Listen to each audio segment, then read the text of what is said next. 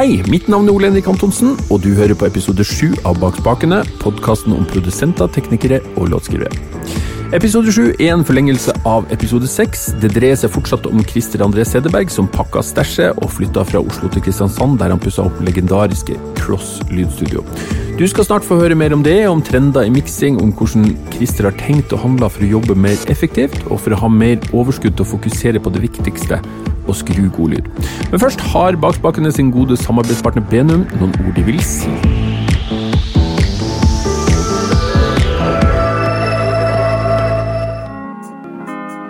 Mikrofoner fra Shore finner du i studioer og på scener i hele verden. Men Shore er mye mer enn SM57 og SM58. Headset og ørepropper, ribbon og kondensatormikrofoner, in-air og trådløst. Se hele utvalget fra Shore og få de beste prisene på benum.no skråstrekk bak spakene. Benum, norsk distributør av lyd- og musikkutstyr. Hvis jeg får litt mer frie tøyler, så har jeg et sånn triangeltankesett. Man kan som lytter så klarer en ikke forholde seg til så mye på en gang. Nei? Ikke sant? Klarer kanskje å forholde deg til tre ting. Det er jo vokalen ofte, og kanskje en eller annen groove, og så én ting til. Og det er for så vidt et tankesett som jeg gjerne skulle ha sett enda mer av i produksjonssammenheng. da, At man på en måte har disse tre tingene som man bestemmer seg for fra tema til tema. Altså alt som blir lagt til i tillegg. Da tenker en hvordan kan det pålegget jeg gjør nå, forsterke en av de tre tingene. Og forsterker det ikke en av de tre tingene, så er det en killer darling. ikke sant? At man bygger rundt disse hovedelementene hele veien. Og det gjør en av miksere, at jeg prøver å identifisere i hvert tema hva som jeg tror virkelig treffer folk, da. Får de til å føle et eller annet. Og da knuser jeg på med de tingene. Setter de i fokus, og alt som er rundt, skal bygges rundt, og det blir mer sånn spissa tankesett, da. Og da, da er det basert på um, ren sånn emosjonell respons, holdt jeg på å si. Det er forfriskninger. Det, det er det jeg på en måte jobber på, da. Og det er jo kjempegøy, syns jeg. Det er jo gøy å kunne være kreativ og overraske. Og, og, det er jo ofte sånn at om en så skulle bomme totalt, da, så er det jo veldig lett å komme seg tilbake til utgangspunktet. Og det skjer alltid noe på veien der som du tar med deg inn igjen, som forsterker låta. Så på en måte så hadde det jo vært gøy å gjort det enda mer. Det er jo ofte at folk bare vil at du skal forsterke det som er der. Men jeg syns jo også det er en veldig gøy utfordring, da. At mm. du skal Og folk er så bra til å produsere, så det av og til det å få det til å låte bedre er jo en utfordring i seg sjøl. Jeg føler av og til som du må sånn, oppheve tyngdekraften i ny og ne for å få ting til. ikke sant? Så det, den tekniske biten av den type miksing syns jeg er helt fantastisk gøy nå. Mm. Så om det er kreativt eller mer sånn funksjonelt, så trives jeg like godt i begge settinger. Er det noen typiske problem i det du får inn til miks? Um, ja, noe som kan gå igjen, er jo at ting kan krangle litt.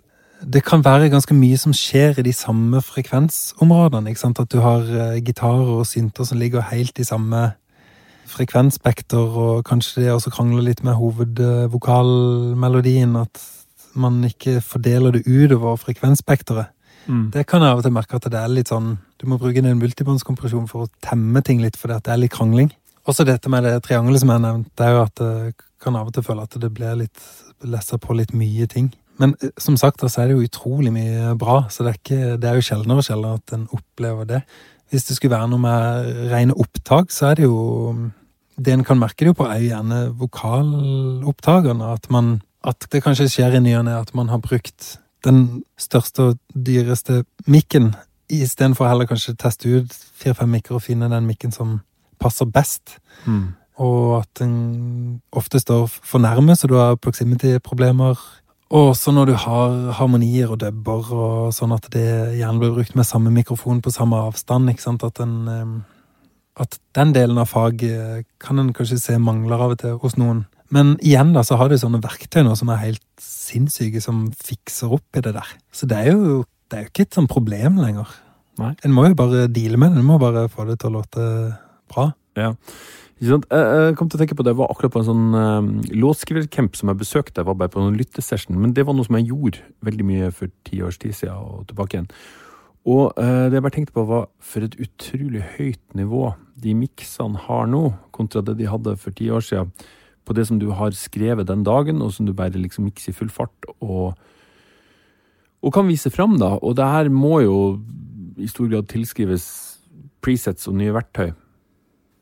Ja, det er jo Og så tror jeg at det, i og med at man kan få det såpass bra med presets, da, så ble forventningene og kvaliteten på lyden er jo det er litt sånn um, Det er jo det jeg sa i stad med å oppheve tyngdekraften, at du skal på en måte få det kjempehøyt, men dynamisk og supertørt, Ja. men med dybde. ikke sant, at det er Du skal alt. Ja. Ja, så på en måte så ble det bare vanskeligere og vanskeligere å få det liksom til det siste nivået der, men det syns jeg er utrolig gøy. Det er jo fett å kunne, sånn som for min del har på at det har vært fulltidsjobb i nesten 20 år, men fortsatt når jeg setter meg ned og mikser, så er det en så, så må jeg holde meg skjerpa. Mm. Jeg må jobbe alt jeg kan. Så en ble jo aldri ferdig utlært i det. Men det som er kult nå, er at du har en del sånne eh, verktøy som tar bort mye av det derre kjedelige, styret uh, automasjonskorreksjonen. Ikke sant? Hvis du hadde en vokalist man og en del sånne overtoner som brukte en røremiks som forsterka disse overtonene, så måtte du sitte og notche ut overtonene, og så automatisere de fra tone til tone, ikke sant? Uh, Men nå har du Sood-plugin som gjør det. Så um, den tida han brukte på å fikse opp i de tingene der, den er det ikke så mye igjen, da. Det er fortsatt utfordrende, men på andre måter. Mm. På tur hit i dag så hørte jeg på Post Malone, og så tenker jeg på eh, Du har gjort det her lenge nå, og du, det er mye å lære, si det sånn, men er det mye trender i miksing? Det jeg bare hørte på, det var en sånn alle de her eh, typiske EDM-elementene der du har et klapp som er knusktørt i et øyeblikk, og så neste gang du hører det, så er det kjempevått. Eh, veldig mye sånn kontraster som du bygger på, som, som har spredt seg over i mye mer enn en, EDM-en der det først kom fra. Er det, mye, er det andre sånne ting som er liksom jeg legger jo merke til det. Det er viktig å høre på mye musikk, da. Og så merker en jo også på de produksjonene en får hele veien. Du ser jo endringene. Og akkurat innenfor popmusikk så, så er det jo en fordel å holde på ganske aktivt, eller bare også i hvert fall høre mye på musikk hele tida for å få det med seg. For jeg tror hvis du hopper av noen år og kommer rett tilbake igjen, så tror jeg nok at kanskje risikerer å bomme et par ganger, ikke sant? fordi at du bruker en eller annen low-cut og klangen på 400 istedenfor 800 her. Men jeg tror også det, det der med bare følge magefølelsen litt, og så gjøre ting som treffer deg. At det fins jo mange veier til målet. Så jeg tror du kan bruke, hvis det er klangbruk, da, så kan du jo bruke veldig mye forskjellige klanger, men gi litt sånn den samme følelsen. Og at en ikke på en måte trenger å tenke helt sånn slavisk på ok, nå er det bare Valhalla-delayer som gjelder, for det er det folk bruker. Men at en kan være litt sånn fri i det òg, og eksperimentere litt, og at en ikke trenger å følge trendene hele tida, men kunne tenke litt sjøl og respondere på musikken sjøl, og så bare la det føre deg et sted. Ja. Det er ofte at hvis jeg sitter og jobber med en med effekter, da, så sitter du bare og så skrur i 5-10-15 minutter, så plutselig så treffer du et eller annet som funker. Og så vet du egentlig ikke helt Du tenkte jo ikke noe sånn konkret på hva du skulle gjøre mens du gjør det, du bare jobba, og så plutselig skjedde det. Ja. At eh, det å ikke være for kalkulert i miksinga, det tror jeg også er ganske viktig for å liksom, ja, for å lage litt nye ting og holde seg inspirert òg, da. For at det kan skje noe som du kanskje ikke hadde planlagt, eller Ja, så jeg, jeg bruker veldig sjelden, nesten aldri presets eh, sånn sett. Men jeg kan for så vidt heller ikke huske noe særlig av det jeg har gjort. Nei. Så kanskje du har brukt masse presets som du bare har fortrengt. Ja, det kan hende. Ja. Det jo veldig intuitivt da, ikke sant? Du Ja. følger jo bare musikken på en eller annen Men, eh, men du bruker ikke presets på altså type sånn klang, delay-effekter og sånne ting? Skrur du det også liksom fra scratch, eller hvordan? Ja, altså bruker jeg jo en sånn Decommand-kontrollflate, og der legges jo alle pluginene på faderen. Ja. Så um, feedbacken på alle delayene her er på samme faderen. Eh, og predelayen på klangene er på samme faderen. Så når jeg sitter og skrur effekter, og for så vidt alle pluginene jeg skrur, så skrur jeg med ti fingre. Ja. Og gjerne flere par meter på en gang, og du bare føler det fram. Jeg kikker ikke på skjermen mens jeg holder på med det, jeg bare gjør det, og så blir det til noe. Hvor viktig er de kommandene i jobben som du gjør? Ja, den er viktig, altså. Det føles jo som å spille på et instrument, da. Og så er det jo veldig effektivt. Altså, du kommer mye fortere fram til resultatet. Ja. Så jeg tror etter at jeg hadde lært meg den godt, så lurer på meg jeg fant ut at jeg hadde kutta ned mikstida med rundt tre kvarter per miks. da. Nå vet jeg ikke hvor mye jeg har kutta ned på det, men den, den er ganske essensiell. altså. Det er jo mange folk som sitter og mikser bare med mus og er kjempekjappe på det, men eh, et eller annet med å bruke begge hendene og flere fingre på en gang, eh, spesielt i plugins, da, som jeg setter veldig pris på. Men jeg trenger ikke, jeg kan jo Jeg sitter jo mm, på laptopen og mikser òg, hvis jeg må det. Ja, du gjør det? Ja. Benum er norsk distributør av studio- og musikkutstyr fra bl.a. Shore, Universal Audio og Genelec.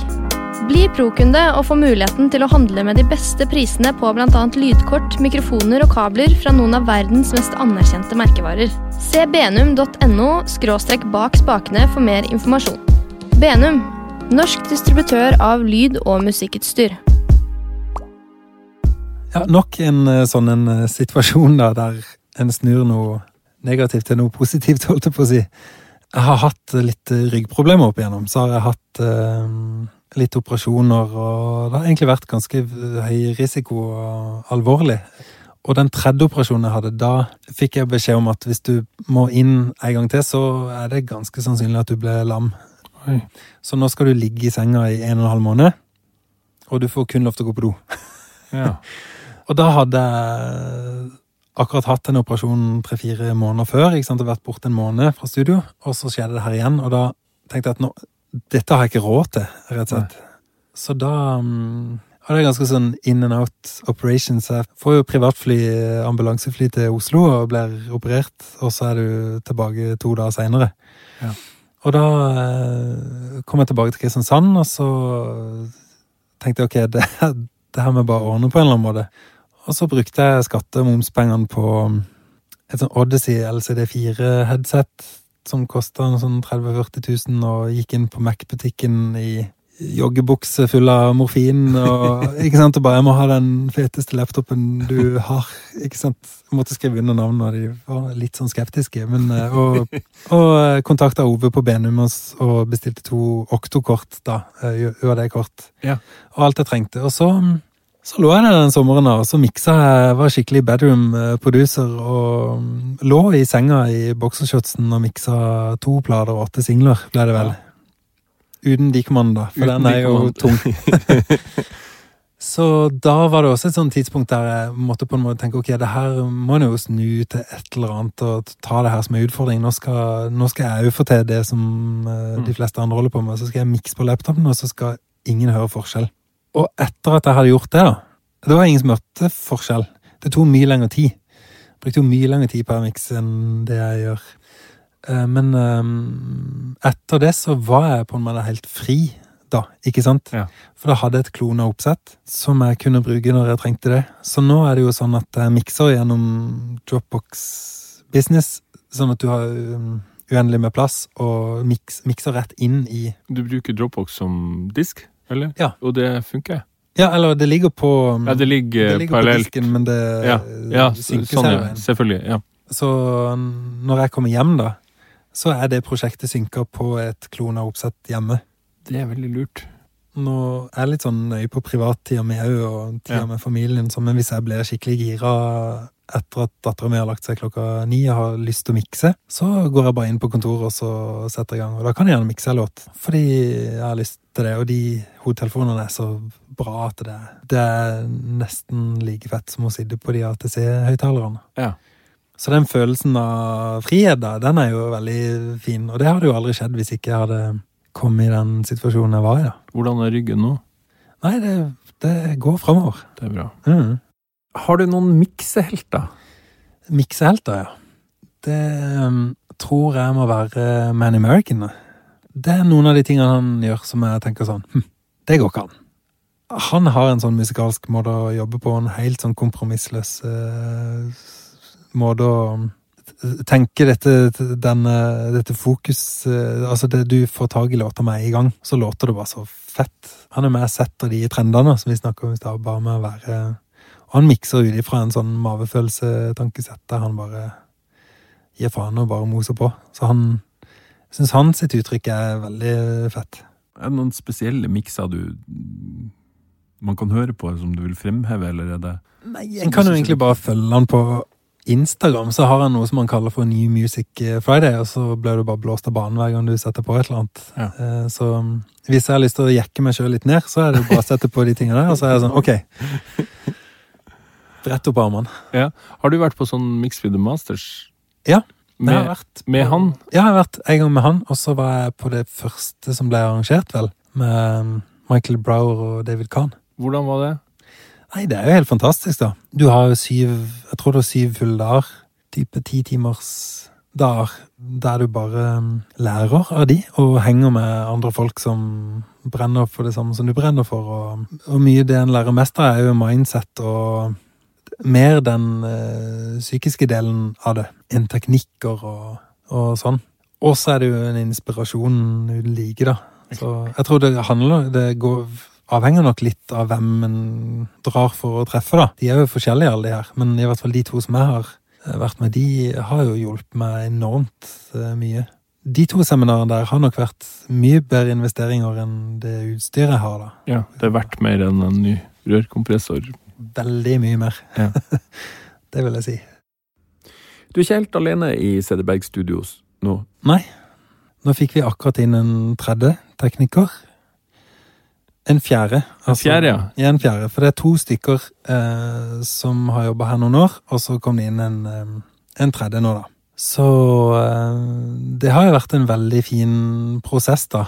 Eh, dette med at jeg i dette studioet her kan tilrettelegge for flere arbeidsplasser, rett og slett. Hvor mange som lever av det her nå, da? Både Jaran og Espen som jobber her, lever av det.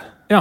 Eh, og Emil som akkurat kom inn, er jo akkurat i gang med mentoringa, da. Så har jeg jobba masse med systemer og prøvd å lage en manual, da, mer eller mindre mm, på studio, så at det skal være mm, tilrettelagt for det å få inn de riktige folkene. De som, som har eh, hodet og hjertet på riktig sted, kontra at en må tenke hvem er det som kan nok til å komme inn her. Det er jo på en måte en sånn, sånn slags miniskole da, Ja. ikke sant? Ser du etter folk da, eller er det de folkene som oppsøker deg du faktisk eh, Det er bare de som oppsøker meg, og så tar jeg alltid et møte. Uansett, for det kommer det jo alltid noe kult ut av. mm. Så er det at jeg må klikke på et sånn mellommenneskelig plan, så er man Alt det tekniske, alle de tingene der, det kan jo alle lære. Men det med å kunne møte folk og kunder eh, på en god måte og være et empatisk, engasjert menneske som tar vare på liksom, lidenskapen eh, som du skal være med og forvalte sammen med kundene dine, det, det å ha de kvalitetene der, det er jo alfa og omega. Alt det andre er jo tekniske ting som Mm. alle kan lære seg. Så um, nå har jeg et veldig fint system der jeg på en måte kan ta inn de folkene, og så lærer vi de opp. Med Emil da, så har jo Jaran og Espen eh, mentoring med han. Og så har jeg overordna mentoring på ikke sant, i forhold til kunderelasjoner og mellommenneskelige ting, og også systemer og automasjon og kommunikasjonsverktøy og eh, På en måte de tingene som tar litt tid å lære seg, da, som tar en del år å få inn, det er de tingene som jeg jobber med han på, da. Men Espen og Jaran tar seg av alt det daglige i eh, driften i forhold til det han skal lære seg, og den plassen han skal, skal finne etter hvert i studio, da. Mm. Jeg har alltid tenkt at uh, hvis jeg får et sånn studio som det her, så skal jeg slippe folk uh, til. Uh, og det har jo vært veldig fint å kunne gjøre, men det har også vært en veldig god ting for meg òg, også være en del av noe som er større enn meg sjøl. Og kunne jobbe med noe som ikke bare omhandler der og de i karriere. Så for min del så har det jo vært mye Jeg har jo studert mye entreprenørskap og ledelse og mentoring og leser bok på bok. Ja, du gjør det? Ja, et, hver eneste dag. For det, er jo Det er liksom all in, da, som jeg snakka om tidligere eh, i praten. Med, at jeg går all in på dette òg, for jeg syns det er så utrolig spennende. Og så ser jeg jo det at det er veldig mye å lære av andre bransjer. Mm. Så de eh, folkene og firmaene og sånn som jeg studerer, det er jo Det har ikke vært bevisst av, men det er jo utelukkende ting som ikke har med musikkbransjen å gjøre. Men så ser du tråder og sammenhenger, og så kan du putte det inn i ditt format, da. Mm. Og det er det du lærer når du tar en businessutdannelse, så er det jo liksom generelle system som, som virker, eller kan virke, på tvers av bransjer. Ja, og så tror jeg noe som jeg også har oppdaga, man kanskje har tenkt det at det er en del bransjer og en del folk som jobber med sånne ting som føles veldig fremmed, som ikke er kreativt og, og så videre. Så innser man jo at de som er på topp da, og gjør det bra, de er veldig kreative. De eh, er inspirerte. De er som oftest gode mennesker. Mm. Så det er egentlig veldig fint å se at man at den i denne businessverden da, og den kreative bransjen, der jeg tror en har utrolig mye å hente begge veier. Mm. Handler det også noe om å, å gi seg sjøl overskudd? Altså, for det er noe med Det er veldig lett i den bransjen her å gå helt i kjelleren. Altså, du jobber Det er jo veldig personlig, og det er veldig lett å bli sittende og mikse, mikse, mikse, men kanskje det er noe der at Du snakka om det tidligere i stad, før vi begynte å ta opp, at du har kortere dager nå enn du har hatt før. Ja. Det var et sånn turning point for meg, var at jeg leste ei bok der det var en fyr som sa at uh, hvis du sier at du er busy, så er du ikke flink. Du er bare dårlig organisert. Og det traff meg veldig, da. Selv om jeg egentlig alltid har trodd at jeg er ganske um, organisert, og jeg tror egentlig at det har vært det, så har jeg samtidig hatt et sånn tanke om at på en måte en arbeidsdag er I mitt tilfelle var det jo ti, minst ti timer hver dag, da, men at en arbeidsdag er åtte til tolv timer for at det skal være en arbeidsdag. Og da jobber du så effektivt du kan innenfor den arbeidsdagen, sånn at det blir mest mulig tid til det kreative, og at det aldri er noe kompromiss i forhold til kunsten oppi det, da. Men hvis man eh, sletter de grensene der, og tenker at en arbeidsdag er den tida du trenger for å gjøre en jobb, så det noe, skjedde det noe for meg da, mentalt, der det åpna opp for en del muligheter. Der jeg tenkte sånn, ok, kanskje jeg ikke er så effektiv som jeg kan være, kanskje det finnes andre måter å gjøre det her på. Og så begynte jeg å se på sånn, ok, akkurat det jeg gjør nå, hvis jeg gjør det sånn, så sparer jeg kanskje to sekunder eller fem sekunder hver dag. Og så regnet jeg ut hvor mye det ble i løpet av et år, og så skjønte jeg at oi, du kommer fort opp i ei arbeidsuke eller to uh, med spart tid bare på noen få tweaks, ikke sant? Mm. Og så er det det med at en, at en begynte å samarbeide med de andre her, ikke sant, at vi jobber uh, mye på de samme prosjektene, og de prepper jo miksene um, og tuner hvis det trengs, og trigger og farvekoder og gjør alt eh, klart, og betaler de for det. Og så er vi sammen om det, og så er ting mye mer effektivt, og så flyter det mye bedre. Og så er det jo også for min del mye gøyere å sitte med det òg, selvfølgelig. Mm. Det å innse at man på en måte kan ta i bruk enda mer systemer, og automasjon, og at man at det å være busy og så bare grave seg ned i hula og, og ha denne studiotannen som en eh, Mm. har ledd litt av, den der lette blåfarven eh, når alle de andre er brune på sommeren Du er ikke flink, da. Nei. Du er bare dårlig organisert. Så det, det skulle jeg på en måte ønske at jeg hadde skjønt litt før. For det er, har eh, vært mye bleik i løpet av sommeren opp igjennom. Men eh, nå har det jo endra seg, da. Så det er jo og Ja, forhåpentligvis du er brun og fin. Nå er jeg brun og fin. Så jeg, nå jobber jeg mm, Nå jobber jeg på en måte som gjør at jeg får tid til eh, andre ting som jeg bryr meg om, og familie, og, og setter også av tid til å jobbe eh, med firmaet istedenfor i firmaet. Sånn at jeg har faste admin da, der jeg på en måte sitter og tenker ut ideer og videreutvikler visjonen for dette stedet. og så Men det starta egentlig med disse mm, andre teknikerne i studio, og det var der vi begynte. Det er bra. Du kan havne et helt annet sted. Ja, det er jo ofte det en gjør. Det, Du- Vi skal begynne så smått å runde av, men eh, spiller du noe sjøl lenger? Nei. Nei, ingenting? Nei. Jeg vet ikke hva som har skjedd. Uh, um, jeg tror ikke det er plass til det.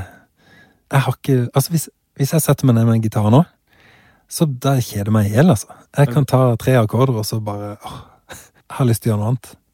Det kan godt hende at jeg starter opp et, ehm, et hobbyband eh, om eh, ti år til, og da har jeg et fett og musikal jeg kan Ja, ja. stå i, men um, nå er den Jeg tror det er fordi at det den måten jeg mikser på og engasjerer meg i andre sin musikk nå, er såpass givende og kreativ og inspirerende at jeg får det jeg fikk gjennom å lage egne låter og spille egen musikk, det får jeg i jobben min. Jeg har jo frysninger hver eneste dag. Ja. Og jeg gleder meg jo til å gå på jobb. Så det er akkurat som om det ikke er plass til mer. Nei. Det er nok. Jeg har ikke spilt gitar på Jeg vet ikke sist jeg spilte gitar, faktisk. Trist å si det. Det er rart når du har brukt veldig mye tid på noe. Begynte jo da jeg var 14, ikke sant. Og spilte og spilte og spilte, og så kommer du til et punkt der um, det ikke er så relevant lenger. Så er det en sånn rar prosess, men jeg tror en bare må være åpen for at eh, livet forandrer seg. og at den, Livet tar nye retninger. Ja, det gjør det. Ja. Og det jeg sier og tviholde på det, det tror jeg ikke er nødvendigvis det beste. Det er i hvert fall ikke det for meg. Er det noe mer å legge til? Nei Er det noe mer? Har du noe mer du lurer på, holdt på å si? Jeg kunne jo ha prata i timevis. Sikkert. Jeg har sikkert jeg har prata i timevis, men nei, jeg kommer ikke på noe. Nei, men da får vi si at det er bra for i dag. Tusen takk for praten. Ja, i like måte. Det var Christer André Sederberg. For meg så gjenstår det bare å takke Benum som gjør det her mulig. Hvis du driver ditt eget studio som et foretak, så kan det hende du kvalifiserer som proffkunde og kan få kjøpe direkte fra Benum til nettopriser. Det er det mye penger å spare på. Du finner ut uh, ved å gå inn på benum.no bak spakene og søke om å få bli kunde. Hvis du sitter med mobilen nå og lytter på Apple Podcast, så er det kjempefint om du legger igjen en rating. Da vises bakspakene bedre i iTunes. Legg gjerne også igjen en kommentar om hva du syns. Følg Bakspakene på Facebook, Instagram og Twitter, og gå inn på bakspakene.no for å registrere deg for nyhetsbrev. Da er det slutt for i år. Tusen takk til alle som har hørt på. Neste uke er det ny episode av Bakspakene. Jeg heter Ole Henrik Antonsen, og vi høres snart.